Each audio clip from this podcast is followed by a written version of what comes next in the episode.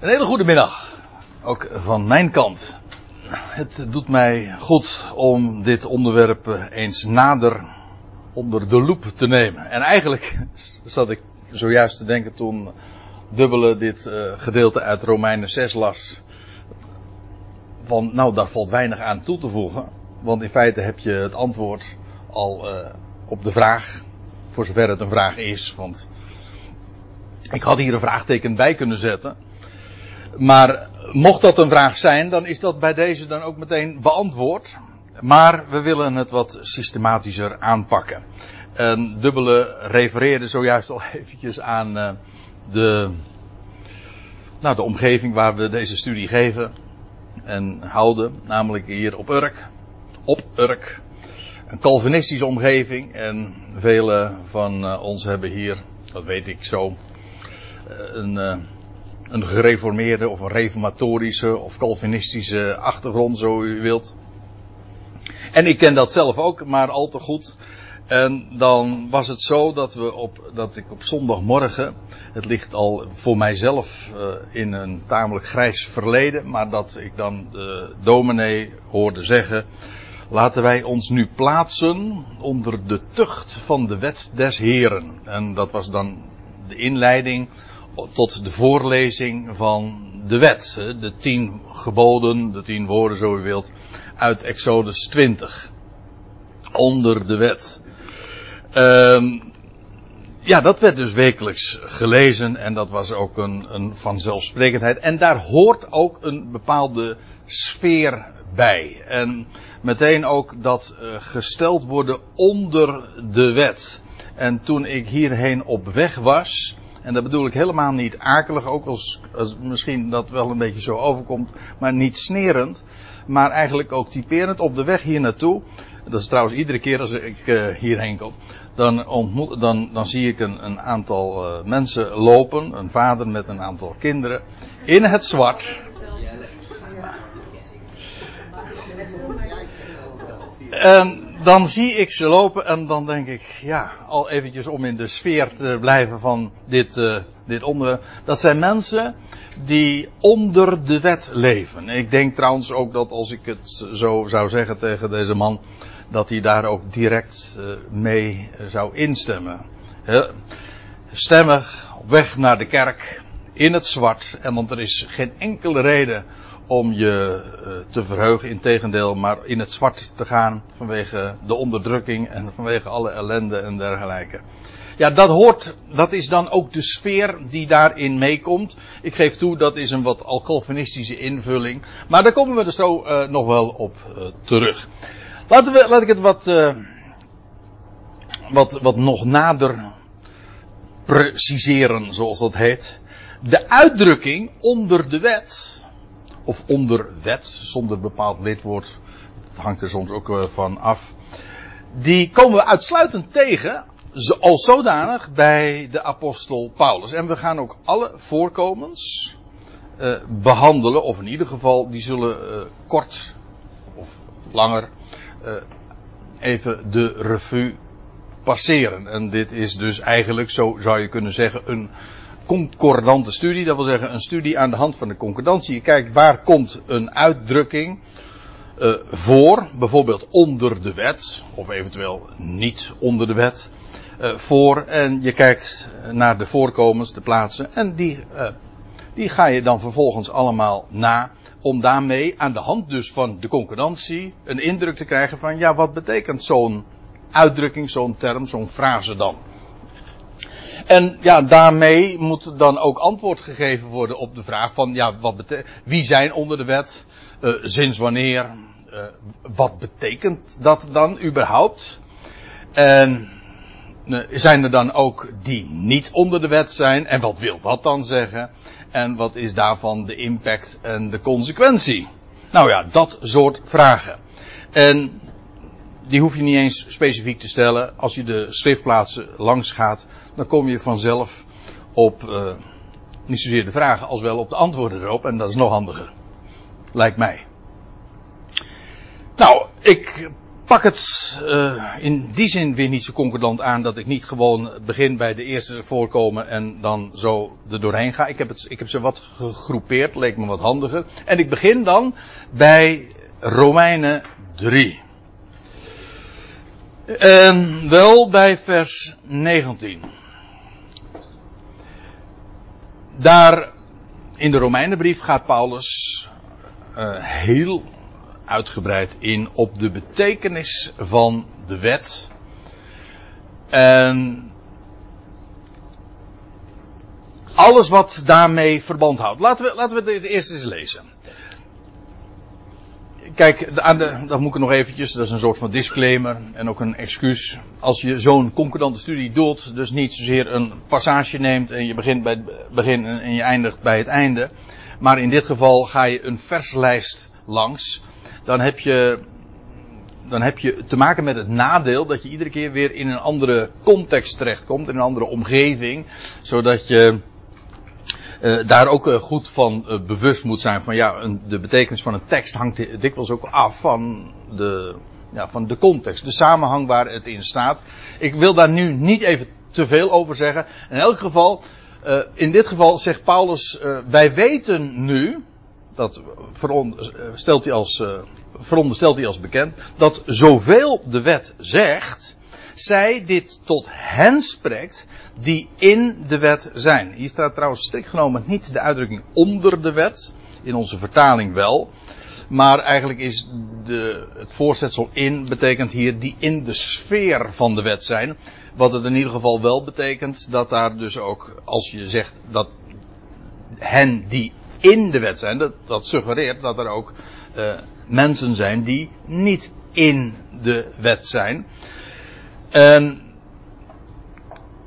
het gaat hier over Israël, aan wie de wet gegeven is. En dan staat erbij, opdat elke mond gestopt zou worden en heel de wereld onder de rechtspraak van God zou komen. Nou, is misschien even goed om nog uh, Romeinen 3 bij te pakken. Ik zie dat iedereen toch wel, en dat lijkt me ook wel handig bij een bijbelstudie, een bijbeltje bij zich heeft. Maar kijk eventjes naar de omgeving, dan zie je wat aan Romeinen 3 vers 19 vooraf ging. Dat, dat, moet, dat moet ik er dan toch even bij zeggen dan doet Paulus wat aanhalingen uit de, met name de psalmen. Maar niet alleen, maar gewoon uit de Hebreeuwse Bijbel. En dan, dan stelt hij vast, niemand is rechtvaardig, ook niet één. Er is niemand die, die verstandig is, niemand die God ernstig zoekt. Alle zijn afgeweken. Nou, uh, zulke uitspraken, uh, die liggen er niet om. En als je alleen dat zou kennen, dan kan ik me ook nog een klein beetje voorstellen dat je daarvan uh, gedeprimeerd raakt en in het zwart gaat. Hè? Als je alleen dat in ogenschouw zou nemen. Maar als Paulus dat heeft vastgesteld, dan concludeert hij, kijk, dit uh, staat in de wet. In dit geval een vrij brede opvat, een brede term, omdat het niet alleen maar slaat op de wet van Mozes, maar eigenlijk op de hele Hebreeuwse Bijbel. De wet zegt dat tot degene die daar in die sfeer zijn. Dat wil zeggen Israël. Aan wie die wet gegeven is. Maar als dat zo is, dan is dus, dan is elke mond gestopt. En heel de wereld valt dan onder de rechtspraak van God. Want het idee is, aan Romeinen 3 zijn natuurlijk nog twee hoofdstukken vooraf gegaan. In, in de eerste hoofdstukken had Paulus al vastgesteld dat de natieën, gewoon de wereld in zijn algemeenheid, vanwege het getuigenis van de schepping en van het geweten, al uh, te maken heeft met die, die rechtspraak van God. Dat wil zeggen, voor, als tegen Israël al wordt gezegd, er is niemand rechtvaardig, uh, er is niemand die verstandig is. Dat wordt gezegd tegen Israël. Wel, dat geldt uh, dan voor heel de mensheid. Want uh, de mensheid in zijn algemeenheid weet van de schepping. En dus ook van een schepper. En bovendien, ze hebben het geweten. En men weet, elk mens weet wat hem of haar te doen staat. Wel, daar komt bij, ook Israël, die heeft boven het getuigenis van de schepping en het getuigenis van het geweten dat elk mens heeft. Ook nog eens een keer het getuigenis van de wet die aan haar was gegeven. En wel, als daar uh, dan uh, van gezegd wordt dat, ze, dat niemand rechtvaardig is, ja, dat betekent dat het tamelijk hopeloos is voor heel de mensheid. Goed. De wet spreekt tot hen die in de wet zijn. Daar gaat het nu even uh, vooral om. We gaan naar Galaten 3. We komen straks uh, weer terug in de Romeinenbrief. Maar eerst even naar Galaten 3. En dan lees je dit. Voordat het geloof kwam, moet ik weer even iets toelichten, want laat ik daar even een plaatje geven. Een soort van tijdschema, zoals Paulus dat in dit hoofdstuk in Galaten 3 neerzet. Hij laat zien dat je daar eerst de periode had van de belofte. Aan Abraham, Abraham was geroepen, aan Abraham was de belofte gegeven, in zijn zaad zou alle geslachten van de aardbodem gezegend worden. Wel, uh, aan God heeft, of Abraham geloofde dat, aan Abraham, uh, die leefde dus uit de belofte. En, en al die generaties die nog zouden volgen, en Paulus noemt de periode van 430 jaar, dat wil zeggen vanaf het moment dat Abraham geroepen werd, tot aan de wetgeving, tot aan de Sinai, dat is een periode van 430 jaar geweest. Toen kreeg je de periode van de wet. En daarna volgt de periode van het geloof. De het geloof, namelijk de vervulling van de belofte. Eerst was hier de belofte gegeven, inmiddels is de belofte vervuld. En ja, Abraham geloofde de belofte en wij geloven sindsdien, sinds de belofte vervuld is, geloven het bericht aangaande de belofte die inmiddels vervuld is. Maar in beide gevallen is het geloof waar het om gaat. Nu is, maar daaraan voorafgaand heb je de periode gehad van de wet. Ik moet erbij zeggen, heel vaak eh, hebben mensen de gedachte dat, nou je hebt dus het Nieuwe Testament, dat is het geloof. En daarvoor is uh, het Oude Testament. Dat is de, de, periode van de wet. Maar feitelijk helemaal niet waar. Als je het zo bekijkt. Want het is niet zo dat de, de wet begon bij Adam. En voortduurde tot Christus. Absoluut niet. Sterker nog, die hele periode van de wet heeft relatief kort geduurd. Van Adam tot Mozes, dat is een periode van, als u het mij vraagt, precies 2500 jaar geweest. 2500 jaar heeft de mens dus zonder wet geleefd. Pas toen hij, en vervolgens heeft God het nageslag van Abraham vanuit Egypte geleid en daar bij de Sinaï gebracht. En daar aan dat volk gaf hij de wet. Dus de wet is niet een universele leefregel voor heel de mensheid vanaf Adam, zoals veel mensen denken. Alsof het Oude Testament daar begon bij Adam, dat is helemaal niet waar. Dat oude verbond, dat begon hier bij de Sinai. Dat was 2500 jaar na Adam. En gegeven aan, niet aan alle volkeren, maar aan één volk. Dus in alle, dus en als je het ziet uh, in, in de termen van de natieën, wel is het heel beperkt. Dat wil zeggen slechts één volk, één natie. En bovendien, uh, in de tijd gesproken is het ook al evenmin uh, universeel, omdat slechts een, wat heet korte periode, een relatief kortere periode, is de mens, althans een deel daarvan, heeft onder de wet gestaan. Afijn, uh, voordat het geloof kwam. Dat wil zeggen, de, je moet dat dus niet, uh, het geloof kwam, dat is, betekent niet, uh, iemand komt tot geloof. Het, het is, zoals dat heet in theologische termen, heilshistorisch. Gewoon de hele historie wordt genomen. Je hebt de periode van de wet. En nu, sinds de belofte vervuld is, is het geloof. Voordat het geloof kwam, zegt Paulus, werden wij, wij, wij, Joden, Israëlieten, verzekerd bewaard onder de wet en samen opgesloten gehouden. Uh, ik weet niet waar uh, dit soort terminologie uh, u dan aan moet denken. Maar als ik denk aan verzekerde bewaring, dan denk ik aan. Aan de, aan de gevangenis, ja.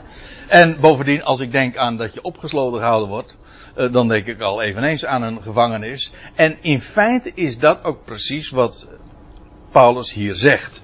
Uh, in feite was de mens gevangen, of uh, zoals we straks trouwens nog zullen zien, in slavernij. In feite hadden zij de positie van een slaaf. Ik kom daar straks trouwens nog op terug. Maar Israël werd verzekerd bewaard, uh, beschermd, onder de wet, opgesloten gehouden. De wet had ook de functie, lezen we, van een tussenmuur. Hè. Je hebt, Israël werd geïsoleerd van de natieën en daar was een muur tussen Israël en de natie en die muur dat was de wet der geboden. En je vindt dat in Efeze 2. En dat betekende dat men van, vanuit de natie niet Israël binnenkwam. Bijvoorbeeld niet in, de, in het eigenlijke tempelterrein. Maar ook omgekeerd. Eh, men was opgesloten in die wet. Ja, en dat was. Eh, men werd eh, verzekerd bewaard onder de wet. Was Israël opgesloten. En dat zou zijn tot het aanstaande geloof onthuld zou worden.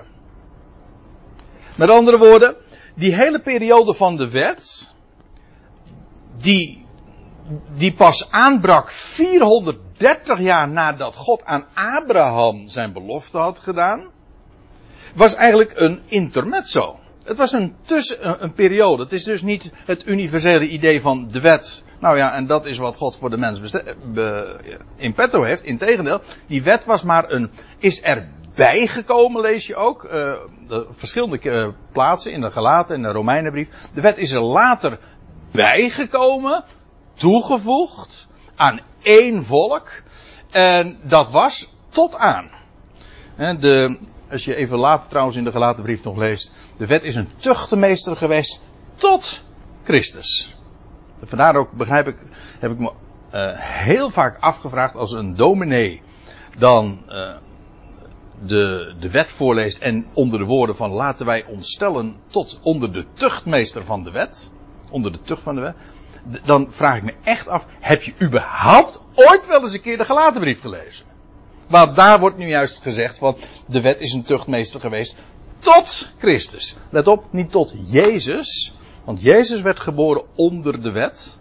Ook dat zullen we straks nog zien.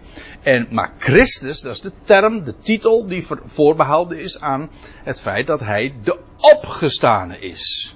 Opgewekt uit de doden. Wel, en sindsdien is het oude verbond voorbij. Hè? De periode van onder de wet is ten einde. Ja, dus tot het aanstaande geloof onthuld zou worden, namelijk de, de belofte van het beloofde zaad is vervuld. En wet staat hier ook, zie je hier duidelijk, in contrast met geloof. Dat is heel simpel. De wet zegt namelijk, doe dat, geeft een opdracht, wat je zou doen, terwijl een belofte of een belofte die vervuld is en en dus een bericht, een mededeling. Vandaar het woord evangelie betekent een goed bericht, een tijding, een mededeling. Ja, wat kan je met een mededeling doen? Die kun je niet doen. Kijk, een opdracht kun je, kun je doen. Maar een mededeling, een bericht, kun je maar één ding mee doen. En dat is geloven.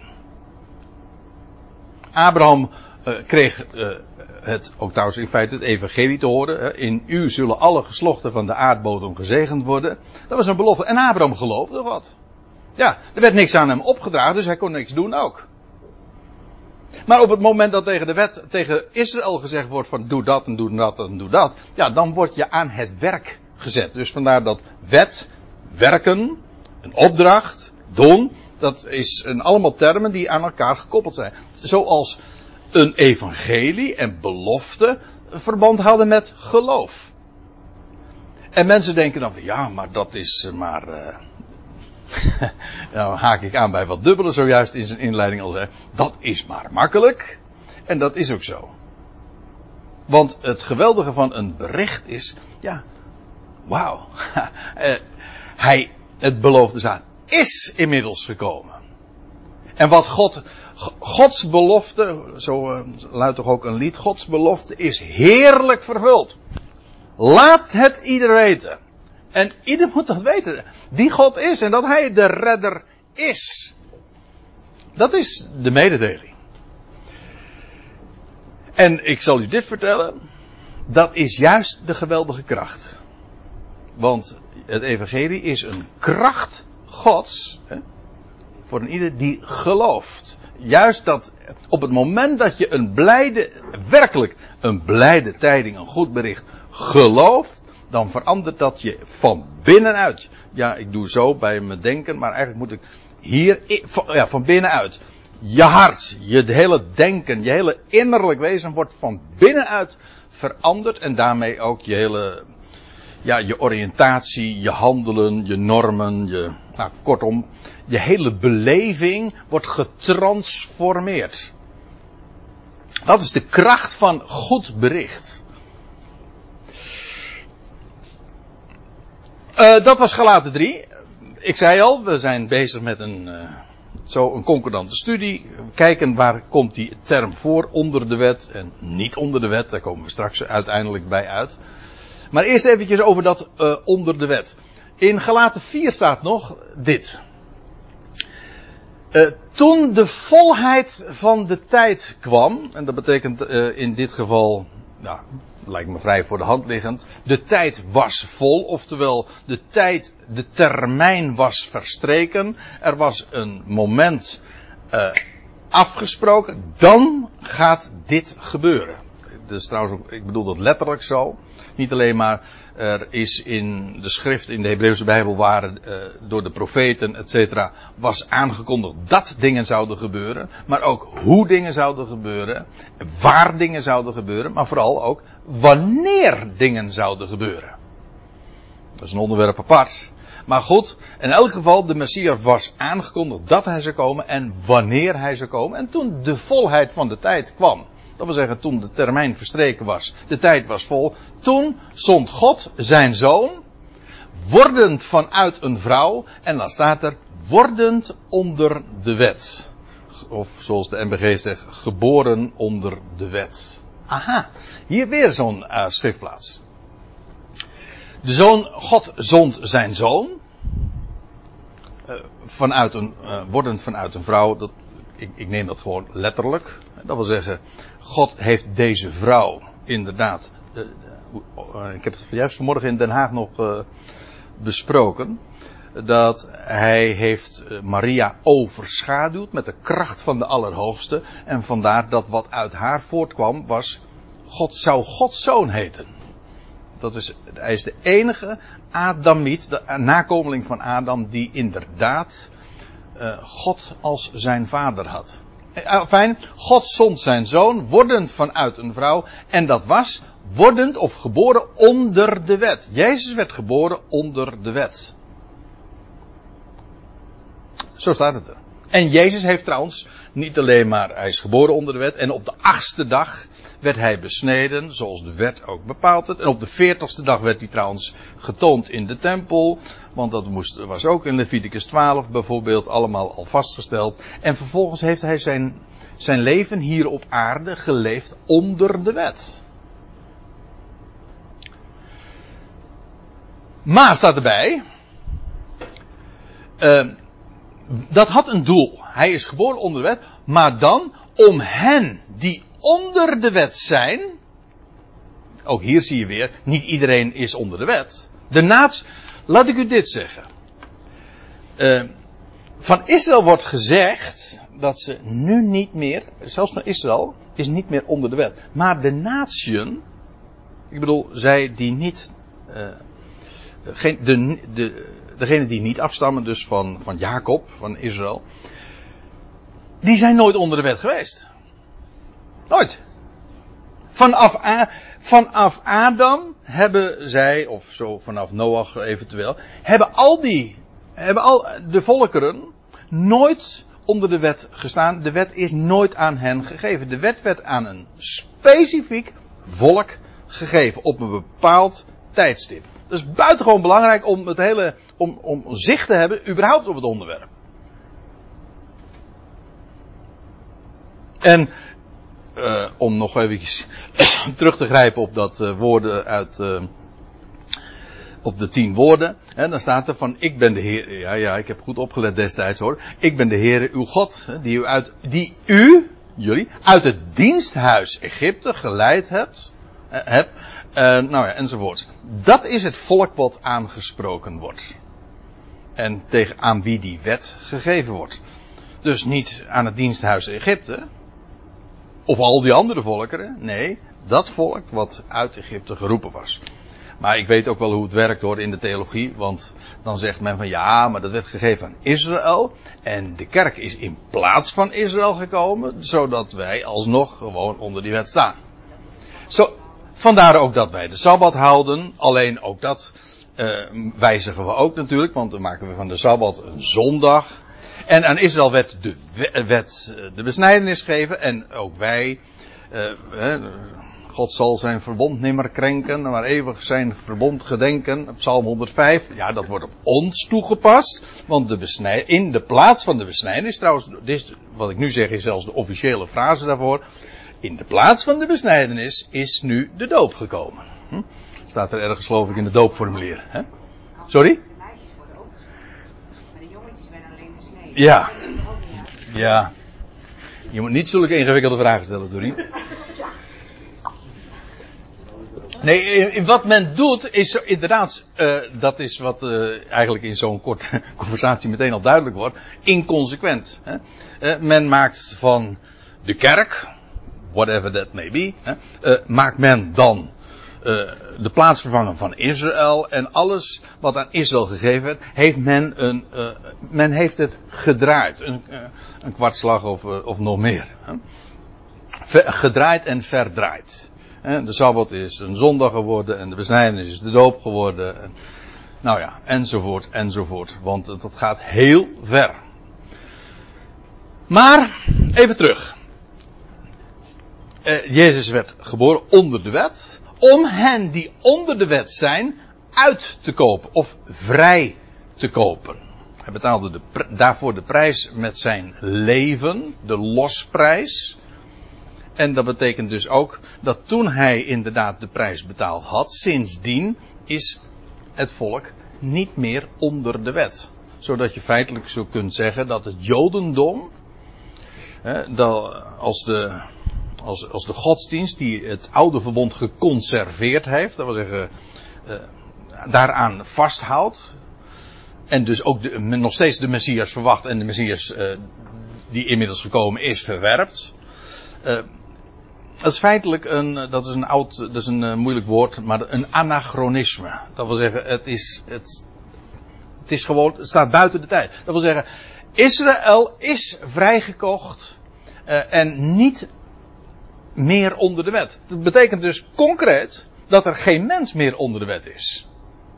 Ja, je kunt wel onder de wet stellen, maar geen, de, de heidenwereld, als ik het zo mag zeggen, is nooit onder de wet geweest. En Israël was onder de wet, maar nu niet meer. Dus ik bedoel, gewoon ook het, eh, Israël, het volk van Israël niet meer onder het oude verbond. Feitelijk is de uitdrukking onder de wet min of meer synoniem met onder het oude verbond. Ze zijn uitgekocht, vrijgekocht. En dus ook niet langer meer in de positie van slavernij, opdat wij het zoonschap zouden verkrijgen. En het zoonschap, dat is, of de zoonstelling, dat is uh, dat je een erfgenaam bent. Want wie een zoon is, die is een erfgenaam en dan niet langer meer een slaaf. Die tegenstelling erfgenaam slaaf, dat is iets wat je in heel gelaten 3 en 4 uh, eh, tegenkomt. En ik ga het nog uh, sterker vertellen. wat vervolgens namelijk in de rest van hoofdstuk 4 uitgelegd wordt aan de hand van Isaac versus Ismaël. Daar hebben we trouwens hier bij een andere gelegenheid ooit eens een keertje wat uitgebreider over gehad. En dus daar gaan we nu meteen even naartoe, want daar later in Galaten 4 komen we opnieuw weer die uitdrukking tegen. Dat Paulus uh, zich uh, verwonderd afvraagt, zeg mij, jullie die onder de wet willen zijn, luisteren jullie niet onder de wet? Kijk, het idee is, Paulus had, even kort, om eventjes de situatie te schilderen. Paulus had daar in Galatië het evangelie verteld. Een boodschap om niet. Dus nooit de wet gepredikt. Paulus, notabene, de man die het in het Jodendom zo ver gebracht had. Zo begint hij trouwens uh, de brief ook in hoofdstuk 1. Uh, die, en geroepen is opdat hij Christus onder de natieën zou prediken. En dat heeft hij gedaan. En vervolgens, hij, uh, hij heeft daar in, in Galatië daar dat, dat goede bericht verteld van, van, van de opgewekte Christus, van de dood die is overwonnen. En ja, een bericht, een mededeling. Paulus had zijn hielen gelicht. Ik zeg het nu even heel kort, door de bocht waarschijnlijk ook. Uh, maar dat hij, uh, hij is weggegaan. En vervolgens zijn er in die gemeenten, in die ecclesia's van Galatië, zijn daar mensen binnengedrongen. Al of niet Joods, maar in ieder geval wel vanuit het Jodendom werd dat uh, erg gesupport.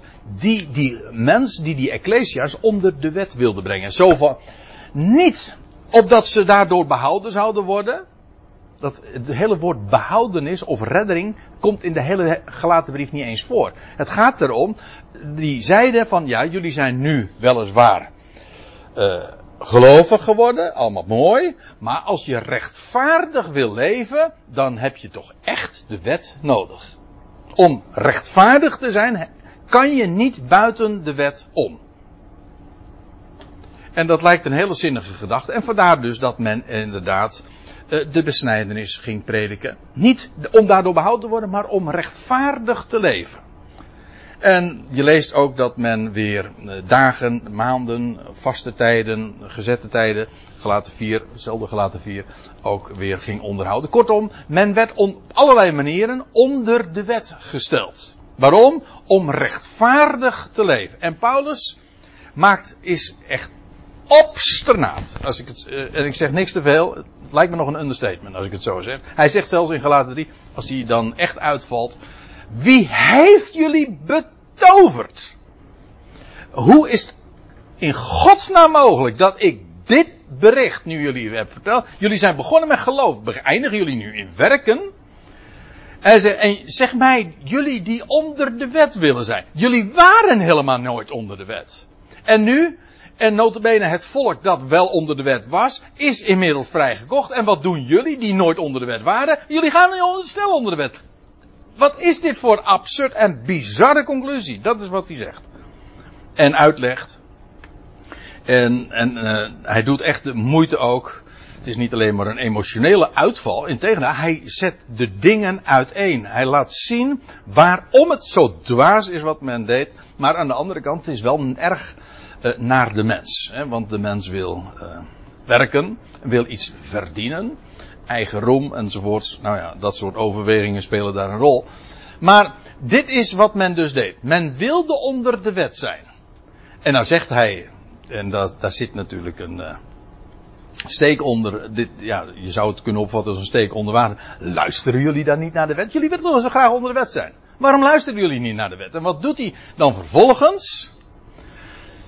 Hij gaat een uitweiding geven over de geschiedenis van Isaac en Ismaël. Dat is trouwens allemaal de wet, hè? De boeken van Mozes, als je de Torah, de Pentateuch, dat, is de, dat zijn de boeken van Mozes. Als je, dat is de beperkte opvatting daarvan. Of de definitie. En nou, Genesis maakt ook deel uit van die wet. Hij zegt, jullie willen je houden aan de bepalingen van de wet, maar waarom luisteren jullie niet naar gewoon de wet? En dan gaat hij die geschiedenis uh, vertellen dus van Isaac en Ismaël. Isaac was de zoon van de belofte. Ismaël was de zoon van de slavin. Ja, en, en die twee staan tegenover elkaar. De ene was de belofte, de andere was, uh, was werken. Had te maken met slavernij. En kijk, dat, daar zit trouwens nog iets aan vast. En dat is dat uh, deze, deze leraren die binnen Galatië waren binnengedrongen in die, en die Ecclesias eigenlijk op zijn kop zetten. En feitelijk het hele evangelie. Paulus zegt zelfs, indien jullie, nee, indien iemand jullie een evangelie predikt, dat af, afwijkt van wat ik jullie heb gepredikt, anathema. Hm? Een vloek is dat feitelijk. Uh, of hij zegt het eigenlijk over de boodschap die zij brachten. Maar deze mensen die, die gingen er prat op. Ja, maar wij, zijn toch zonen van Abraham? Wij zijn, wij, zijn, wij zijn toch zaad van Abraham? Wel, als Abraham nu inderdaad besneden werd, dan zouden wij ons er ook laten besnijden. Ik bedoel, het is helemaal niet zo moeilijk om de redenering die men daar in Galatië uh, op uh, promoten, om die te volgen. Wat prachtig trouwens, wat Paulus doet, is, hij zegt ja, kinderen van Abraham, maar er zijn twee soorten kinderen van Abraham. Hè? Je hebt namelijk, de vraag is eigenlijk niet wie is je vader, de vraag is wie is je moeder. Is, is Sarah je moeder of de vrije? Of Hagar? De slavin. Dat is de vraag. Want jullie zeggen van ja, we zijn kinderen van Abraham. Maar de vraag is, dat is wat Paulus feitelijk uh, in dit gedeelte, in het navolgende zegt. Hij zegt, wie is jullie moeder? Is dat de vrije of is dat de slavin? En nou ja, hij werkt dat zo uh, uitgebreid uit. Maar hier, is het wel heel sterk. Hè?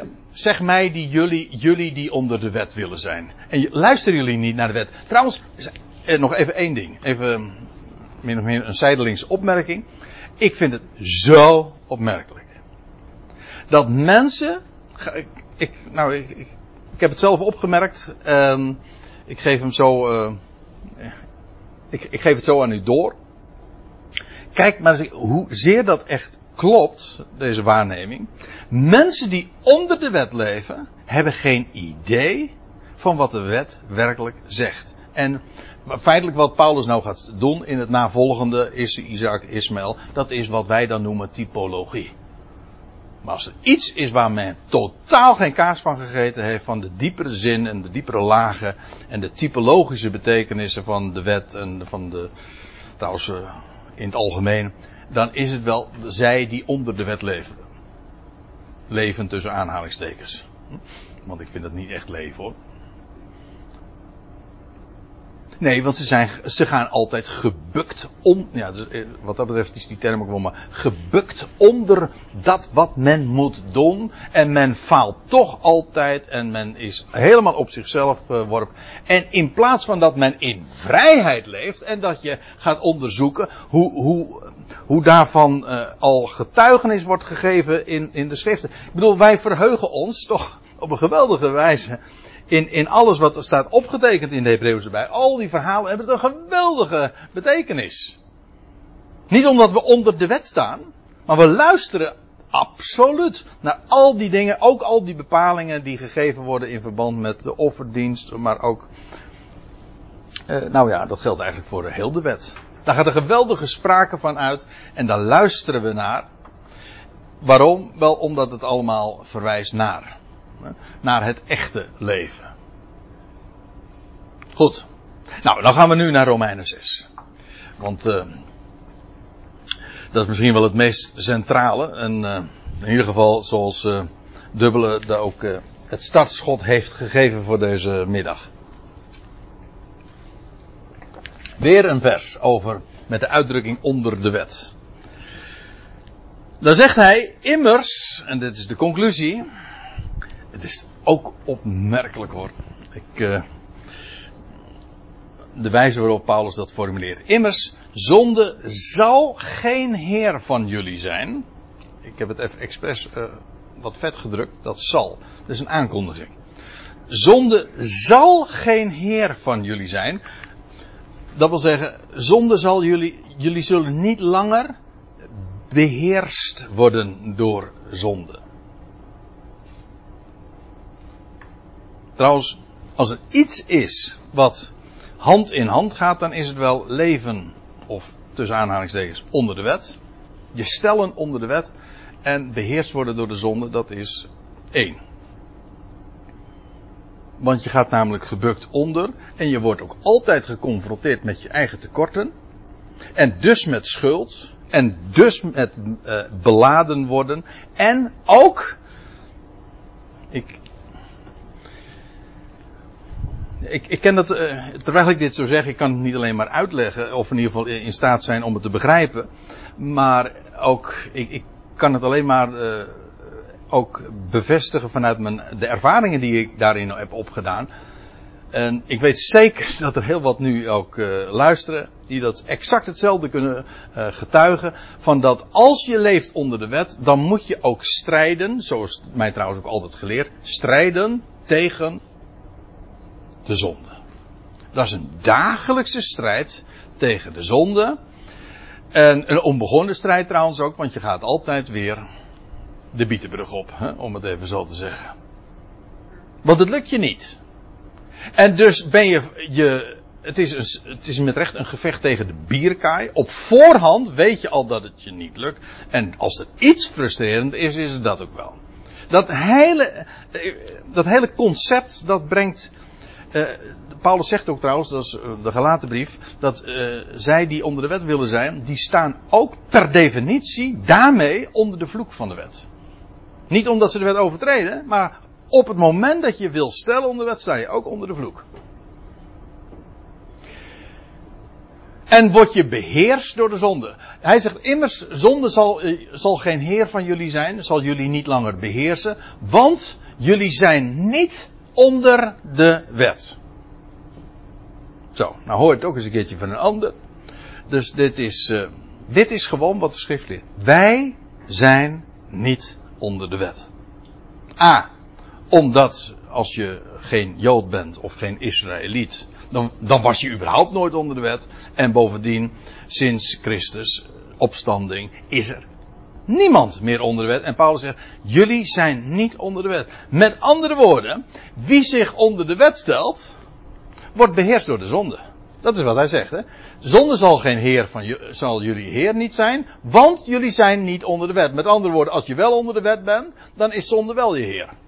Met andere woorden, word je beheerst door de zonde. En het idee is dikwijls van ja, wanneer word je beheerst door de zonde? Dat is wanneer je voortdurend de, de wet overtreedt.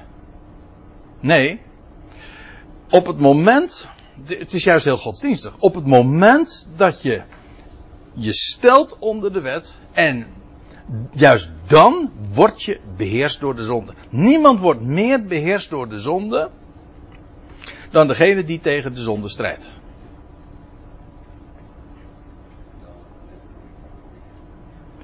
Uh, wat vrij logisch is. Trouwens, in Romeinen 7 wordt dat uitgebreid nog weer uitgelegd. Als een hele uh, smartelijke, persoonlijke ervaring. Uh, zoals Paulus dat dan ook weergeeft van de wet zegt, ge zult niet begeren. En door de wet werd de zonde juist in mij geprikkeld. En ik wil dat niet. En nou ja, en, dat, dan is het, en daarom doe ik wat ik niet wil. En dat, die strijd. Juist als je zegt van ik wil dat niet. En je wordt. Op het moment dat je je stelt onder de wet, word je voortdurend juist beheerst door de zonde. Van ik wil niet zondigen. Strijden tegen de zonde. En ik weet het.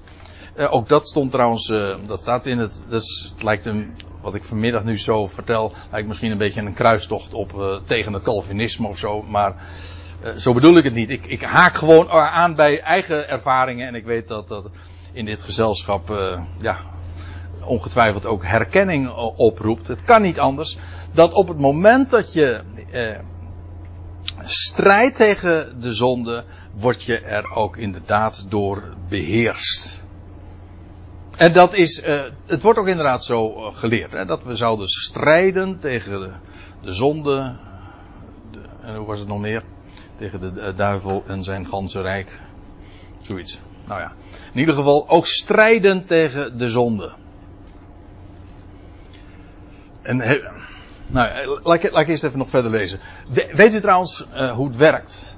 En ik weet mensen, als je dan vraagt van ja, waarom heeft God aan Israël ooit de wet gegeven? En dan is het, uh, het orthodoxe antwoord daar meestal op van ja, God gaf aan Israël ooit de wet, opdat de zonde zou worden ingedampt.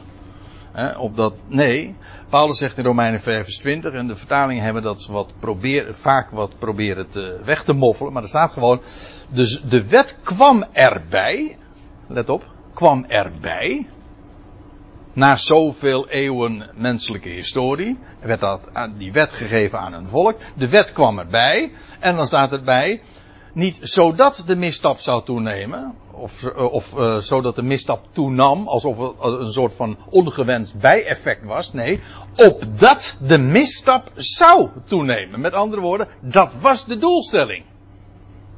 Zo staat het er echt, hè? Je, ja, ja, zelfs, zelfs de beroepsvertaling kan dat niet wegmoffelen. Dat staat gewoon keihard. Op, zegt hier, dat zegt Paulus, de Jood, rabbijn, hè, van huis uit. En hij zegt, daartoe werd de wet gegeven, opdat de zonde zou toenemen. En, en waar de zonde, en waar de zonde toenam, juist waarom? Heeft God dat dan op het oog? Ja, nee, dat was opdat de genade des te overvloediger zou zijn. Dus het gaat allemaal om die genade. De wet was noodzakelijk om de genade te laten stralen. En dus creëerde God eerst de duisternis. Ik weet het, er is meer van te zeggen en het heeft meer kanten en facetten. Maar dit is zoals Paulus er hier over spreekt.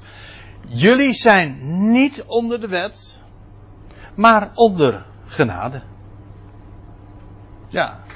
En genade vertelt mij wie ik ben. Nou, sowieso, die vertelt mij een bericht. Een heel goed bericht over wat God in Christus gedaan heeft en zal doen, maar ook wie ik ben. Het vertelt iets over wie mijn identiteit. Ik ben in hem gerechtvaardigd en ik ben met Christus verbonden, geïdentificeerd. Hij stierf, ik stierf met hem. Hij is opgewekt, ik ben met hem opgewekt. Zo rekent God. Dat is dus uh, niet gebaseerd op onze beleving, op onze waarneming of ons, uh, ons gevoel. Heeft er niks mee te maken. Zo ziet God dat. Ja, en dan kun je zeggen. Uh, en dat is de genade. Dat is trouwens ook vreugde om niet. Dat is gewoon een mededeling. Zo is het. Niet onder de wet, maar onder de genade. Niet levend, mag dit wel, mag dit niet? Weet je wel, is het geoorloofd of is het niet? Nee, wij leven in de vrijheid. Ja.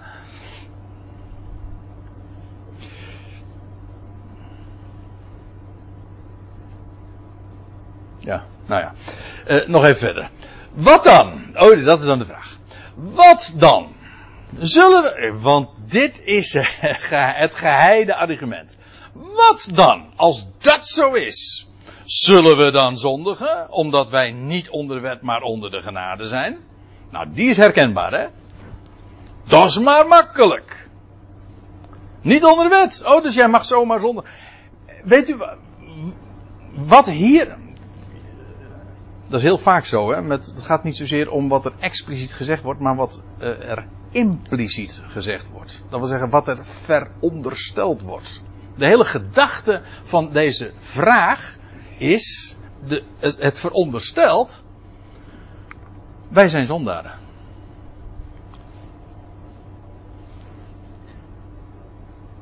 En wat wil een zondaar? Wat, wat doet een zondaar? Wat, wat, wat is eigen aan het feit dat hij zondaar is? Zondigen. Uh, het is eigen aan een hond dat hij blaft. Ja. Natuurlijk. Dat hoort namelijk bij zijn hond zijn. Maar, ja, ja toch? En, maar, en deze vraag veronderstelt, zullen we dan zondigen omdat we niet onder de wet maar onder genade zijn? Veronderstelt dat degene die deze vraag stelt, nog niet heeft begrepen, of nog niet, ja, niet begrijpt, wat hij is. Namelijk geen zondaar meer. Dat is trouwens ook Hè? Zijn wij geen zondaren meer? staat letterlijk zo, eh, zo trouwens in uh, hoofdstuk 5 vers 8. Toen wij nog zondaren waren. Juist. En hoe is dat dan? Zijn wij, nee. Wij zijn geen zondaren meer. Dat was, als je eenmaal het goede bericht van uh, hebt ont, vernomen wie je bent, hoe God ons ziet.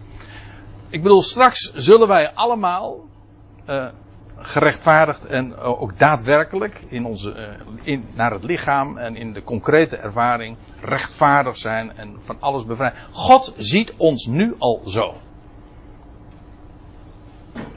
Wij kijken naar, altijd naar het, uh, als je je identiteit wil vaststellen, en dan, dan kijken we naar het verleden. Wanneer je geboren bent, wat er zo gebeurd is, en dat bepaalt je identiteit. Voor God werkt het eigenlijk precies omgekeerd, als ik er even zo over nadenk. En dat is, Hij ziet wat wij, wat Hij van ons maakt en wat wij zullen zijn. Zo ziet Hij ons nu al. Zo rekent Hij.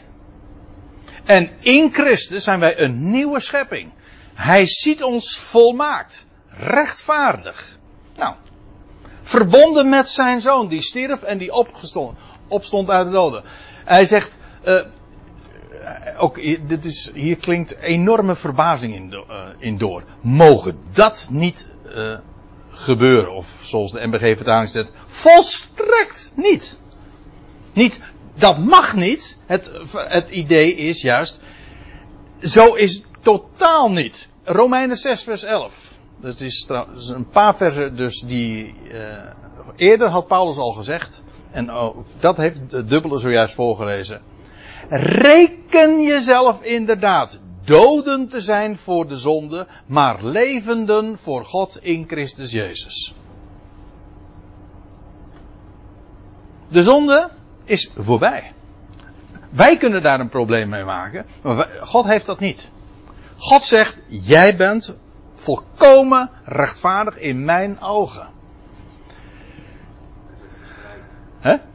Dat, ze zeggen wel eens, nou dat is makkelijk, dan heb je zeker geen strijd. En dan zeg ik, ja, dat is nou juist mijn strijd. Die zonde dood houden. Dat heeft hij zeggen. Dat is het niet meer. Ja, en daar ook, uh, het is trouwens ook een strijd om daarop te staan. Want niet iedereen gunt je die vrijheid en die positie, hè? Om in die genade gewoon te staan en je daar niet van af te laten brengen. Zo rekent God. En Paulus zegt, reken jezelf zo. Verbonden met zijn zo. En dus de vraag is eigenlijk, wie ben ik? Wat is mijn identiteit? Ben ik een zondaar? Als je jezelf rekent als een zondaar, ja, dan heb je dus te maken met, ja, dan, uh, met, de wet en wat je uh, niet mag doen en voortdurende strijd. En ook daarmee de frustratie van het niet lukken, altijd tekortkomen, et cetera, et cetera. En uh, wat voor Paulus ligt het allemaal, uh, het donkere dal ligt achter ons. Ik bedoel, dat, dat is gewoon de mededeling. En daar sta ik op. En als mensen zeggen dat is maar makkelijk, dan zeg ik nou, wat let je dan om daarop te staan? Als dat zo makkelijk is, en dat is ook zo, het is ook zo, want het is een mededeling, een bericht. En je kunt dat natuurlijk uh, alleen uh, over theoretiseren. Of je kunt het naast je neerleggen en zeggen van nou, dat, dat, is, dat is te groot of dat is te, makkelijk. Dus gaan we toch maar weer werken. En dan denk je van, hoezo? Want als het iets bizar is, is het wel te gaan strijden tegen iets waarvan je weet dat je het niet lukt. En dus op voorhand al gefrustreerd bent. Mensen staan zo op. Hè? En weet je, mensen denken, mensen denken dat dat het, het toppunt is van, van vroom, uh, godzalig leven. Nou, zalig leven sowieso niet, lijkt mij. Maar dat je opstaat Heer, leer mij vandaag te strijden tegen de zonde en dat ik. Dan ben je eigenlijk, dan ben je meteen al, oh, nou uh, ja, op, opgestaan, maar niet in het nieuwe leven hoor. Dan ben je weer gewoon een zondaar. Of uh, wilt u de zonden die ik nog ga doen, uh, al bijvoorbeeld vergeven? Wat het trouwens ook een, een, een tamelijk uh, absurd gegeven is als je erover nadenkt. ja. En. Of dat je opstaat. Ik, ik hou van die metafoor. Je staat op. De nacht ligt achter je. Je leeft. En dat je in dat nieuwe leven mag leven en dat je God op voorhand dankt. Dat is trouwens ook leven uit genade, want genade is charis. En eucharis, dat wil zeggen dat je leeft uit genade, oftewel dankzegging. Je dankt God voor wie je bent in Hem. En dat Hij jou gaat gebruiken en dat Hij jou kan gebruiken en dat je volmaakt in Zijn ogen bent. Hoezo zonde? Daar hebben we het niet eens over. Dat ligt achter mij. En dat is een kwestie van rekenen. Dus je weten wie je bent en daaruit leven. En inderdaad, dat is een strijd, want iedereen probeert je daarvan af te brengen. Maar dat is nu juist waar het allemaal om gaat. Sta daarop. Gewoon, dat is het fundament. Laat ik nog één, nog één, nog één gedeelte. 1 Korinthe 9. Uh, dit is uh, een. Tot dusver hebben we dat vrij principieel benaderd gezien in, de, in Paulus' brief, in de Romeinenbrief, in de Galatenbrief. Waarin hij dat ook gewoon uiteenzet. Hoe de vork aan stil zit. Hier in 1 Korinthe 9 is de insteek wat anders. En dan wordt het heel praktisch ook benaderd. En dan krijg je het verhaal dat Paulus. Dat hij zegt van ja, wij zijn. Eh, want vrij zijnde van allen. Paulus staat namelijk in de vrijheid. dat is eigenlijk waar we het de hele middag over hebben. We staan in de vrijheid. En dan, vandaar ook dat hij iedere keer in diezelfde brief herhaalt van ja, alle dingen zijn geoorloofd. Dus die hele vraag van mag dat wel, mag dat niet, is totaal niet aan de orde. wij hebben een heel andere vraag en dat is wat is nuttig, wat bouwt op, wat is tot eer van hem. Kijk, dat zijn zinvolle vragen. Maar we zijn vrij. Maar Paulus zegt, eh, ik maak mijzelf, nou, nou dat lijkt wel tegenstrijdig, maar let op wat hij uiteenzet. Vrij zijnde van allen, maak ik mijzelf slaaf, of eigenlijk verslaaf ik mij, voor allen. Waarom? Opdat ik meer zou winnen, of letterlijk meerderen. Of dat ik juist des te meer mensen zou winnen, namelijk met dat bericht wat aan mij is toevertrouwd. Eigenlijk ging Paulus, de hele strekking van 1 Korinthe 9 is, ik wil mensen, iedereen, vertellen van dat geweldige goede bericht. En, en als ik daardoor meer mensen kan winnen, dan ben ik bereid alles daarvoor te doen. Alles. Ja, zo zegt hij het. Echt alles. Dus dan is het niet meer de vraag van wat mag ik dan. Eh, alles doe ik ter wille van het evangelie, zegt hij ook in eh, een van deze versen. Kijk het maar eens na. Hij zegt, ik beperk mij dus en ik bind mij. Waarom? Om dat aan iedereen kwijt te kunnen en om, dat, om daarvoor mensen ook te winnen en om dat te vertellen. En hij zegt, ik werd voor de Joden als Jood, opdat ik Joden zou winnen. Wat trouwens uh, eigenlijk vrij komisch klinkt in Paulus, uh, uit Paulus' mond als hij zegt, ik werd voor de Joden als Jood. Want je zou toch zeggen, hij was een Jood, toch? Ja, maar inmiddels was Paulus een paar stations eh, verder, zou ik maar zeggen. Het was zijn achtergrond naar het vrees. Maar wat hij dus zegt, uh, hoe hij, hoewel hij vrij stond, hij zegt, uh, ja, hij had in de eerste plaats in de praktijk ook vooral te maken met Joden. Hij zegt, en dus leef ik en gedraag ik mij Joods. Waarom? Wel, om, om Joden te winnen. En, dat, en dan zegt hij vervolgens, en daar ging het me nu even vooral om voor hen die onder de wet zijn, als onder de wet. Let op dat woord als weer. Hè? Dat dus eigenlijk betekent, ik ben niet onder de wet, maar ik gedraag me wel als, als onder de wet. En wat bedoelt hij dan? Nou, dat gaat hij dan vervolgens duidelijk maken. Ik, die zelf niet onder de wet ben. Voor zover het je nu nog ontgaan eh, was, moet je nou toch inmiddels zou het kwartje moeten vallen, denk ik dan hoe, het, uh, hoe het zit. Paulus, de Jood, die ooit onder de wet was.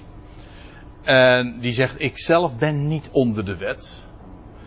Uh, maar hij zegt, ter wille van degenen die wel onder de wet zijn, gedraag ik mij als onder de wet. Feitelijk is dat min of meer hetzelfde als dat hij zegt dat ik Joods leef. Het ene legt meer de nadruk op het feit dat, dat, dat hij hoort bij een bepaald volk, of voor mijn part een, een bepaald ras. En het andere legt meer de nadruk op de, op de godsdienstige kant ervan. Namelijk dat hij leeft onder de wet. Eh, voor hen die onder de wet zijn, als onder de wet, ik die zelf niet onder de wet ben, opdat ik hen die onder de wet zijn zou winnen. Allemaal gaat het daar om de winst, om hen te bereiken en te winnen voor dat bericht wat hij te melden heeft. En daarvoor is hij bereid alles te doen. Voor hen die zonder wet zijn, werd ik als zonder wet. Ook dat. Dus, het linksom, rechtsom, het maakt hem allemaal niks uit. Voor hen die zonder wet zijn, werd ik als zonder wet. Hier wordt trouwens een woord gebruikt. Anomos. Betekent letterlijk, en overal elders wordt dat vertaald met wetteloos. dat moet ook enige toelichting. Dat doet hij eh, ook hier weer. Want zegt hij. Hoewel niet zonder wet van God. Maar. Ja, nou moeten we eventjes opletten. Want er staat in de MBG-vertaling dan. Maar uh, onder, de wet, onder de wet van Christus. Ik heb er een streep doorgezet, want het staat er niet. Hij zegt niet. Uh, uh, maar onder de wet van Christus. Dat, zo formuleert hij het niet. Hij zegt: Ik ben inderdaad niet zonder wet van God, maar ik ben wettig van Christus. Mooi hè? Ik ben. Ben ik zonder wet? Nee. Ik ben wettig van hem die opgestaan is uit de doden. En dat is mijn nomos, mijn norm mijn criterium. Dat is mijn leven. Met recht leven, want we hebben het over degene die opgestaan is uit de doden. De levensvorst. Ik ben wettig van hem. En hen die zonder wet zijn, werd hij als zonder wet, hoewel, niet, hoewel zelf niet zonder uh, wet van God, maar wettig van Christus. Waarom? Wel, ook hier weer, opdat ik hen die zonder wet zijn, zou winnen. Allemaal met dat oogmerk. En nou komen we bij de laatste schriftplaats uit. En dat wordt dan ook tijd om daarmee af te sluiten. En dat is een dat is, uh, dan hebben we inmiddels alle schriftplaatsen zijn we zijn de revue gepasseerd waar de uitdrukking onder de wet voorkomt. En dat is gelaten 5 vers 18. En daar zegt Paulus dit.